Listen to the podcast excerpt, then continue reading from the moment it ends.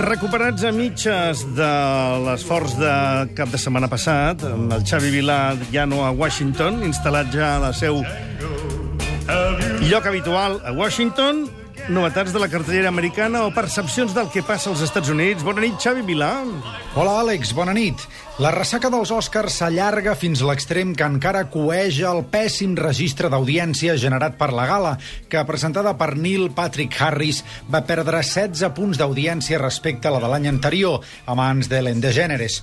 I més enllà de les disquisicions sobre si Birdman mereixia el guardó a millor pel·lícula en detriment de Boyhood, Hollywood ha anat ple tota la setmana del robatori del vestit de Lupita Nyong'o i fet a base de perles de l'hotel on l'actriu va passar la nit posterior a l'entrega dels premis. I com que Hollywood no té remei, també passen coses com que ja circulin prediccions sobre quines poden ser les cintes amb opcions de triomf l'any que ve. Moltes mirades estan posades en The Hateful Eight, la vuitena cinta de Quentin Tarantino que la Weinstein estrenarà a la tardor. Una continuació de Django desencadenado amb Channing Tatum i Samuel Jackson.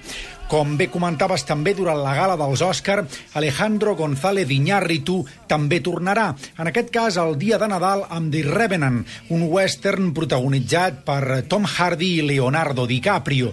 I abans, el 16 d'octubre, un altre retorn a considerar, el de Steven Spielberg, amb un projecte encara sense títol on Tom Hanks interpreta un advocat reclutat per la CIA per rescatar un pilot retingut a la Unió Soviètica. Tot això tenint en compte clar que a finals d'any tindrem una nova entrega de la saga La Guerra de les Galàxies.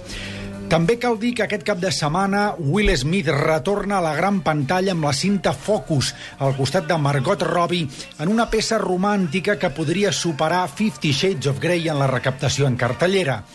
També cal dir que ens arriba aquí The Lazarus Effect, l'última proposta de cinema de terror amb baix pressupost de la Blumhouse, protagonitzada per Mark Duplass i Olivia Wilde.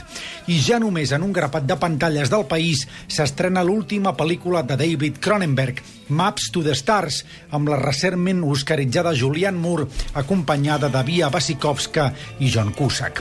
Seran propostes que competiran amb la irrupció via el servei streaming de Netflix de la tercera temporada de House of Cards, el drama polític que ha causat sensació aquí als Estats Units, protagonitzat per un Kevin Spacey, que en aquesta nova entrega, que ja es pot veure, exerceix com a president i és un president, un Frank Underwood, que, per tant, esdevé una qüestió important a seguir tenint en compte els seus precedents. Cal dir, però, que els primers quatre capítols dels 13 de la tercera temporada, que es poden consumir ja a través de Netflix, com us comentava, mandregen d'entrada, retratant una ja televisada abans descripció del que significa tirar endavant la Casa Blanca. No és ben bé fins al cinquè episodi quan el president Underwood ha d'afrontar enemics i és aquí on ressorgeix el millor del que ja vam veure en especial a la primera temporada. Això és tot per aquesta setmana, Àlex. Bona nit. I no serà la última, Xavi, forever. Gràcies, company, i bona nit.